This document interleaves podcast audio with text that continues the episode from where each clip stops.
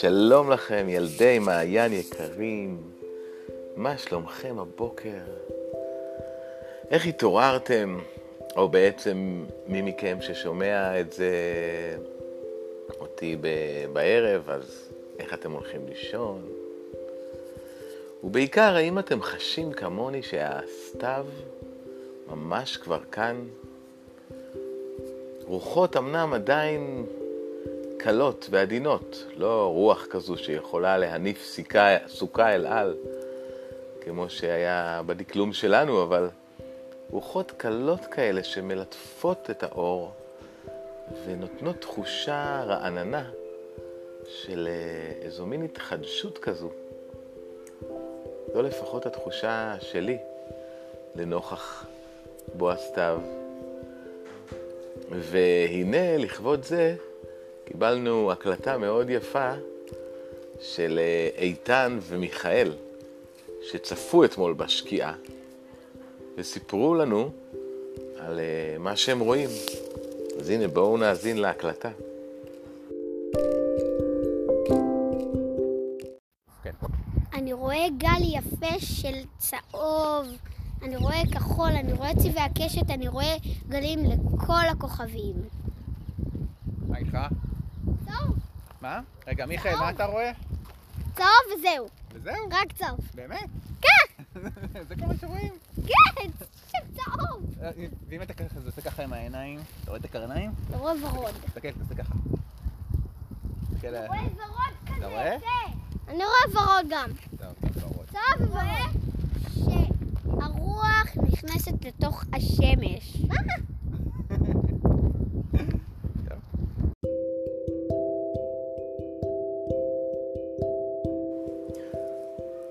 מקסים, נכון? אלה היו איתן ומיכאל שלנו המתוקים, שהיטיבו לתאר, אה, כפי שאמר איתן בסופו של ה... בסופה של ההקלטה, כיצד השמש מתערבבת עם הרוח. איזה תיאור מעניין ויפה. ועכשיו אנחנו נקפל את הרגליים ונפרוס את הכנפיים. ועכשיו אפשר לעוף אל התכלת בשמיים. מלמעלה מתגלים אגדות וסיפורים, צרור שמועות מעשיות, מלוא החופן של בדיות, שלחש לתוך אוזנו, סב לאב ואב לבנו. הפרק הבא, פרק 17, נקרא העיקרה הזקנה. שלושה נוודים עייפים ויגעים היו בשעה מאוחרת בלילה בדרך, וחיפשו להם מקום ללון. הסביבה בשמאלנד הצפונית הייתה שוממה ודלה, אבל מקום מנוחה כלשהו ודאי ניתן היה למצוא. כי הם לא היו מן המפונקים והחלשים הזקוקים למיטות רכות ולחדרים מרוהטים יפה. לו רק נמצאה בראש אחד הערים הללו פסגה זקופה ותלולה, ששועה לא יוכל להעלות, לעלות בה, כי אז היה לנו מקום שינה טוב, אמר אחד מהם. אילו הייתה אחת הביצות הקפואות והגדולות הללו רכה וטובה, ששועה לא יעז לדרוך עליה, היה גם זה מקום לינה טוב ונאה, אמר השני. לו רק נמס הקרח הסמוך לחוף, לחוף באחד האגמים הקפואים בדרך, עד כי שועה לא יוכל להגיע אליו מן היבשה, ומצאנו את מבוקשנו, אמר השלישי. אבל רע ביותר היה הדבר שתאוות השינה תקפה שניים מעוברי האורח הללו, אחרי שקיעת השמש, וכמעט שלא יכלו לעמוד עוד על רגליהם. ומלב השלישי, שיכול להיות ער גם בלילה, נגזלה משום כך המנוחה עם רדת החשיכה, ומרגע לרגע גדלה חרדתו. האם אתם מנחשים כבר מי הם שלושת הנוודים הללו? שניים שנוחתת עליהם תאוות השינה, מאוד רוצים להירדם עם רדת השקיעה, והשלישי שדווקא יכול להישאר ער לאחר אה, רדת החושך. הלא אסון ממש הוא, חשב בליבו. עתה הנה הגענו לארץ בה הנהרות והאגמים מכוסים קרח, ואין לך מקום שהשועל אינו מסוגל להגיע אליו. במקומות אחרים כבר נמס הקרח כליל, אבל עכשיו הרי אנו נמצאים בחלק הקר ביותר של שמאלנד, שטרם הגיעו אליו פעמי האביב. אינני יודע מה עליי לעשות בשביל למצוא מקום שינה טוב. אם לא אגיע למקום בו נהיה מוגנים כראוי, יתנפל סמיר עלינו עוד לפני עלות השחר. הוא התבונן על סביבו לכל עבר, אבל לא נראה לו שום מקום. והערב היה קודר וקר, עם רוח וגשם דק. אי הנוחות והכדרות הלכו ופשטו מסביב. אולי הדבר ייראה מוזר, אבל לא היה לנוסעים שום חשק לבקש להם לינה באחת החצרות. כבר עברו על פני כמה כפרים ולא דפקו אף על דלת אחת.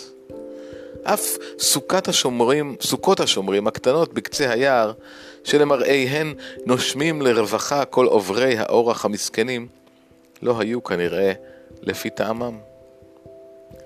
לבסוף, רבתה העלתה, החושך, במידה כזו, שרק רצועה בהירה אחת עוד אפשר היה לראות ברקיע.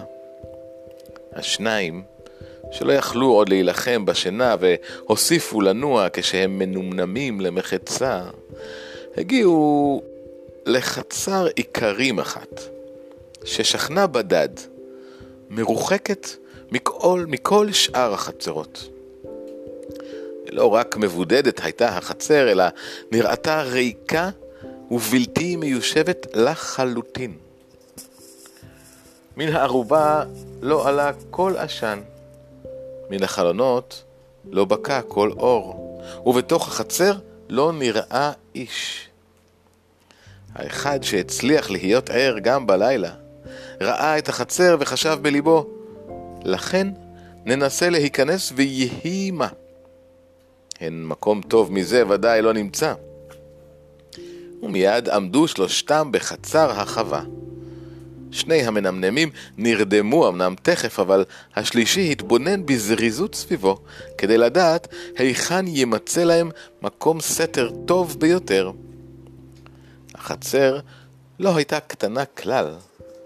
מלבד בנייני המגורים, העורבה והרפת, נראתה כאן עוד שורה ארוכה של בנייני משק אחרים, גרנות, אסמים ומחסני כלים.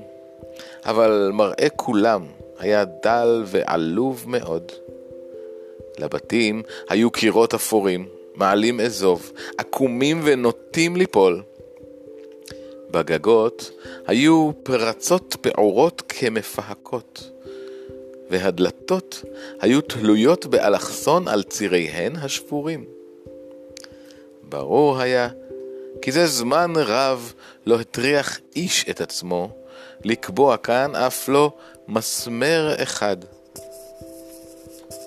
בינתיים תר הנוסע השלישי, הער, את בנייני החצר עד שמצא את הרפת. הוא האיר את השניים האחרים והוליכם אל דלת הרפת. לאושרם הייתה הדלת סגורה רק בו"ב ברזל שלא קשה היה לסלקו במקל.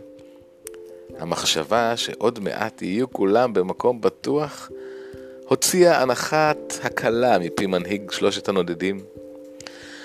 אך משנפתחה דלת הרפת בקול חריקה רמה, הגיעה פתאום גאיית פרה לאוזניהם. סוף סוף באת, אמא, אמרה הפרה. כבר חששתי שהיום לא תביאי לי מספו כלל. כשראה עובר האורח הער, כי הרפת אינה ריקה, נשאר עומד בפתח, נבהל כולו, אך מיד חזר אליו אומץ ליבו. כי ראה שרק פרה אחת ושלוש או ארבע תרנגולות נמצאות כאן. שלושה עוברי אורח, עניים אנו, המחפשים מקום לינה, אשר פה לא יתנפל עלינו שועל, ואיש לא יוכל לקחתנו בשבי. אמר, רוצים היינו לדעת אם המקום הזה מתאים לנו. אני חושבת שהוא מתאים, ענתה הפרה. הקירות אמנם רעועים הם, אבל עד עתה לא חדר אה, עוד לכאן שועל אף פעם אחת. ובחצר אין איש גר מלבד זקנה אחת, וזו ודאי אין בכוחה לקחת מישהו בשבי. אך מי אתם? הוסיפה והפכה את ראשה כדי לראות את הבאים. הוי, אני הנני נילס הולגרסן מוומנהג המערבית, שנהפך לגמד, ענה הראשון מבין הנוסעים. ועימי אבז בית אחד, שעליו אני רוכב, וחוץ ממנו עוד אבזה אפורה אחת. אורחים חביבים כאלה לא היו עוד אף פעם בין ארבעת כתליי, אמרה הפרה. ברוכים אתם לי בבואכם, אף על פי שהייתי שמחה עוד יותר, אילו באה גברתי ועימה סעודת הערב שלי. עתה הכניס הנער את האווזים לתוך הרפת הגדולה למדי, והעמידם בתוך אבוס ריק, ששם השתקעו מיד שוב בשינה.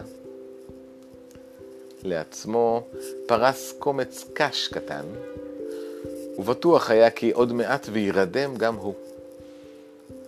אבל תקוות שווא הייתה זו. כי הפרה המסכנה שלא קיבלה כל מספו, לא עמדה במנוחה אף רגע אחד. היא קשקשה בשרשרת הכרוכה לצווארה, הסתובבה הנה והנה והתאוננה על רעבונה. הנער לא יכול לעצום עין. הוא שכב ער על הקש והרהר בכל אשר עבר עליו בימים האחרונים. קודם כל הפגישה הבלתי צפויה עם עזה, רועת האווזים, והימץ הפעוט. הוא התאמץ לברר לעצמו אם הבקתה הקטנה בשמאלנד שהעלה באש הייתה ביתם של שני הילדים האלה. הוא זכר כי היו מרבים לספר על בקתה קטנה כזו העומדת בשדה. שניהם באו אפוא לראות את מקום הולדתם, וכשהגיעו לבסוף הייתה הבקתה אחוזת להבות. מה רב הייתה, היה ודאי כאבם לראות את המראה הזה. והוא, הוא האשם בכך. צער רב הצטער ונדר בליבו, כי אם ישוב ביום מן הימים להיות אדם, לא ימנע כל עמל וכל טורח מעצמו לפצות אותם על הנזק שגרם להם ולפייסם. אחר פנו רעיונותיו אל העורבים, ובחושבו על פום לדרומלה שהצילה אותו, וברגע שנבחרה למנהיגת הסיעה מתה, נעצב הנער מאוד אל ליבו ודמעות עלו בעיניו. כן, קשה מאוד היו לו, היה לו בימים האחרונים, אך בכל זאת, הרי עושר גדול נפל בחלקו, האווזן ודקת הנוצה מצאוהו. האווזן סיפר לו הכל. משהר הרגישו אווזי הבר כי אצבעוני נעלם, התחילו שואלים עליו את כל חיות היער הקטנות. ומיד נודע להם כי סיעת עורבים משמאלנד לקחה אותו, אבל העורבים כבר נמצאו מחוץ לתחום הראייה, ואף אחד לא ידע לאן פנו. כדי למצוא את הנער מהר ככל האפשר, ציוותה אכ"א לאווזי הבר להתפזר בזוגות ובשלשות, ולחפשו בכל העברים. לאחר שיחפשו כך במשך יומיים, בין שימצאוהו ובין שלא ימצאוהו, עליהם להיפגש שוב בשמאלנד הצפונית-מערבית. על פסגת הר גבוה, הדומה למגדל מקוצץ, המכונה טאברג. ולאחר שמסרה להם אכ"א את סימני הדרך הטובים ביותר, ותיארה להם היכן יוכלו למצוא את הר טאברג, נפרדה מן האווזים. האווזן הצחור בחר לו את דקת הנוצה לבת, לבת לוויתו. מלאי דאגה התעופפו הנה והנה, ובעוד הם משוטטים וטועים ככה, הגיע לאוזניהם מצמרת אחד העצים קול שחרורית מייללת ומקללת מישהו, המכונה לפי דבריו גנוב העורבים, ששם אותה ללעג ולקלס. שניהם נכנסו לשיחה עם השחרורית ושאלו אותה שאלות, והיא הראתה להם באיזה כיוון נסע גנוב עורבים זה. אחר כך נזדמן להם תור בדרכם. ועוד ברווז בר ושכלי, וכולם כאחד התאוננו על קונדס אחד, המפריע להם בזמרתם, ומכנה עצמו בשם שדוד עורבים. צי... ציד עורבים וגנוב עורבים. כך יכלו האווזן ודקת הנוצה להתחקות אחר עקבותיו של אצבעוני עד למישור המכוסה עשבי בר במחוז סונרבו. לאחר שמצאו השניים את אצבעוני, שמו שלושתם יחד פניהם צפונה, לעבר טאברג. אך הדרך לשם הייתה רחוקה מאוד, והחושך ירד בטרם יכלו לראות בעיניהם את ראש ההר. אם רק נגיע לשם מחר, יקיץ הקץ לכל צרותינו, חשב הנער, והתכנס יותר בתוך הקש כדי להתחמם. והפרה לא נרגעה בינתיים. עכשיו דיברה אל הנער. האם לא אמר קודם אחד מכם כי הוא גמד? אם אמת הדבר, אולי יודע הוא לטפל בפרה? נו, מה חסר לך? שאל הנער. הכל חסר לי, ענתה הפרה. לא חלבו אותי, לא נתנו לי מספוא ללילה, ולא הציעו קש תחתיי. לפנות ערב באה בעלת הבית אל הרפת כדי לטפל בי כרגיל, אלא שהרגישה את עצמה חולה כל כך, שמיד מוכרחה הייתה לשוב לתוך הבית, ומאז לא באה עוד. חבל מאוד שכל כך קטן וחלש אני, אמר הנער. לדאבוני לא אוכל לעזור לך במאומה. לא אוכל להאמין כי חלש אתה משום שאתה קטן, אמרה הפרה. כל הגמדים שעליהם שמעתי היו חזקים כל כך שיכלו לשאת ערימת שחת שלמה ולהמית פרה במכת אגרוף אחת ויחידה. בלי כוונה החל הנער לצחוק. אה, אלה היו גמדים מסוג אחר, לא כמוני, קרה. אבל אני אתיר את השרשרת מצווארך ואפתח את דלת הרפת, ואז תוכלי לצאת ולרבות את צמאונך במי אחת השלוליות. אחר כך אנסה לטפס על הערימה ולהטיל קצת שחת לתוך האבוס שלך. כן, זאת תהיה עזרה כלשהי, אמרה הפרה. הנער קיים את דבריו, ובהיות האבוס לפני הפרה מלא, קיווה שעתה יוכל גם הוא להרדם סוף סוף. אבל אך עלה על משכבו, מיד פנתה אליו הפרה שוב. ודאי תכעס עליי אם אטריח אותך עוד פעם, אמרה. ודאי שלא, אם רק תבקשי דבר שאוכל לעשותו, ענה הנער. אם כך, היכנס בבקשה לתוך הבית העומד מעבר לחצר שממול, ותראה מה קרה לה לבעלת הבית. חוששת אני שקרה לה אסון. לא, זאת אינני יכול לעשות. אין די אומץ בליבי להיראות לעיני אנשים. לא תפחד מפני אישה זקנה וחולה, אמרה הפרה, ואינך צריך כלל להיכנס לתוך חדרה. רק תעמוד לפני הפתח ותציץ בסדק שבדלת. אבל אינך דורשת ממני יותר. יכול אני, אם אינך דורשת ממני יותר, יכול אני לעשות זאת, אמר הנער. מיד פתח את דלת הרפת ויצא אל החצר. היה לילה נורא. הירח והכוכבים לא האירו את פני הקרקע, רוח יללה וגשם ירד. אך הדבר הגרוע ביותר היה ששבע ליליות גדולות ישבו על מעקה הגג. פחד נפל על הנער כששמע אותן, נאנקות שם למעלה ומקוננות על מזג האוויר הרע. אך נוראה מזו הייתה לו הידיעה כי אם רק תראה אותו אחת מהן, יקיץ עליו הקץ. כן, כל מי שקטן זקוק לרחמים, אמר הנער בצאתו לחצר. ורשאי היה לדבר כך. פעמיים נשבה עליו רוח הסערה לפני שהגיע לבית, ופעם הטיל אותו משב הרוח לתוך שלולית מים וכמעט טבע בה. אבל לבסוף הגיע אל מטרתו. כשהגיע לפני הבית, טיפס ועלה במדרגות, במדרגות אחדות, עבר מפתן ונכנס לתוך פרוזדור. דלת החדר הייתה סגורה, אבל בפינה האחת שלה למטה היה חריץ חתוך במסור, כדי שהחתולה תוכל לצאת ולהיכנס. משום כך, לא קשה היה לנער להציץ לתוך החדר פנימה. כששלח רק מבט אחד פנימה, מיד החזיר בבהלה את ראשו לאחור.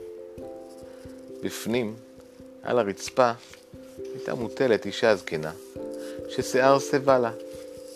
היא לא נעה ולא זעה, גם לא נאנחה, ופניה נראו לבנים להפליא, כאילו ירח נסתר האיר עליה. כאן התעורר איזה זיכרון בלב הנער. גם פני סבא הלבינו בלובן מופלא כזה במותו. האישה הזקנה המוטלת כאן בפנים על הרצפה מתה. נראה שהשבץ אחז בה. מותה פתאומי היה, ואף לא הספיקה לעלות על מיטתה. אימה נוראה נפלה על הנער. באישון לילה ואפלה נמצא לבדו עם אישה מתה. כל עוד נשמתו בו, רץ בחזרה אל הרפת. כאשר סיפר לפרה את אשר ראה בחדר, הפסיקה זו את אכילתה. כך, כך, בעלת הבית מתה, אמרה. במהרה יקיץ הקצפו גם עליי. בוודאי יימצא מי שיבוא וידאג לך, ניחם אותה הנער. אוי, אמרה הפרה, אינך יודע כי כבר זקנה אני פי שניים מכל פרה אחרת. ויגיע שעתה. אבל אם בעלת הבית הטובה לא תוכל מעתה לדאוג לי, אין לי כל חשק להאריך ימים עוד. שעה קלה החרישה. אך הנער הכיר בה כי אינה ישנה ואינה אוכלת, ואמנם לא עבר זמן רב, והפרה פתחה שוב. היא מוטלת על הרצפה? כן, באמצע החדר, אמר הנער. בכל פעם שבאה לרפת הייתה מספרת תמיד את שערה, המשיכה הפרה. אני הייתי מבינה את כל דבריה, למרות שלא יכולתי לענות לה. הנה, בימים האחרונים אמרה פעם אחת כי חוששת היא שבבוא שעתה למות לא יימצא איש על ידה. איש לא יסגור את עיניה, איש לא ישלב את כפות ידיה על ליבה כשתמות. האם תרצה אתה לגשת ולעשות זאת? הנער היסס. הוא נזכר כי אמו דאגה מאוד לסבא כשהגיעה שעתו למות, והשכיבה אותו כהלכה. ידוע ידע כי מנהג מקובל הוא זה שיש לקיימו. אבל כמו כן הרגיש כי אין בליבו די אומץ לגשת בלילה נורא זה אל המתה.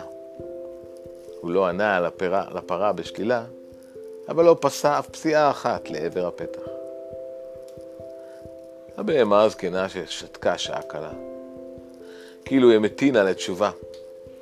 אך כשהוסיף הנער להחריש, לא חזרה על בקשתה. במקום זה, התחילה מספרת לנער על גבירתה. ומה רבים היו הדברים בפיה. קודם כל, על הילדים, שהיא גידלה אותם, את כולם.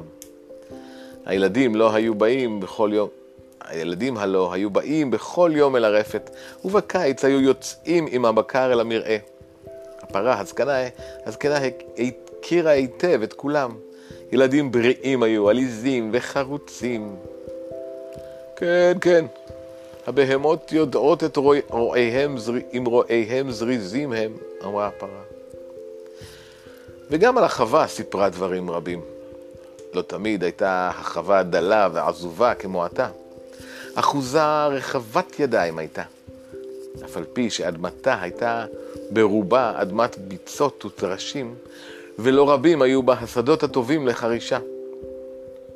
אך כאדמת מרעה לצאן ולבקר הייתה מצוינת. היו ימים שבכל מחיצה ומחיצה של בניין הרפת הארוך הייתה עומדת פרה, ורפת השברים הריקה עתה לגמרי הייתה מלאה אז שברים נעים. גם בבית, גם ברפת, שררו אז רק שמחה וששון. בשיר ובזמרה הייתה בעלת הבית פותחת את הדלת, דלת הרפת, וכל הפרות היו גואות משמחה לכל בואה. אבל אדון הבית מת בעוד הילדים קטנים. בטרם יכלו להביא תועלת. האישה המוכרחה הייתה להטיל על עצמה את כל עבודות המשק וטרחתו. בריאה הייתה וחזקה כגבר, והייתה חורשת את האדמה וקוצרת את התבואה. פעמים קרה הדבר, בבואה בערבים אל הרפת לחלוב את הפרות, שהייתה עייפה ובוכייה, כיוון שנזכרה בבניה, מיד שבה להיות צמיחה. אז הייתה מוחה את הדמעות ומייניה ואומרת, אין דבר, יגדלו בניי ויבואו גם לי ימים טובים. כן, רק אזכה לראותם גדלים. עד כאן להיום, ילדים יקרים. מחר נמשיך את סיפורו של ליל סולגרסן ממש מהנקודה הזאת. אז סליחה, מחר בעצם יום שישי. ביום ראשון נמשיך את הסיפור ממש מהנקודה הזאת. בינתיים, להתראות לכם ילדים מתוקים. יהיו שלום. סוף שבוע נעים.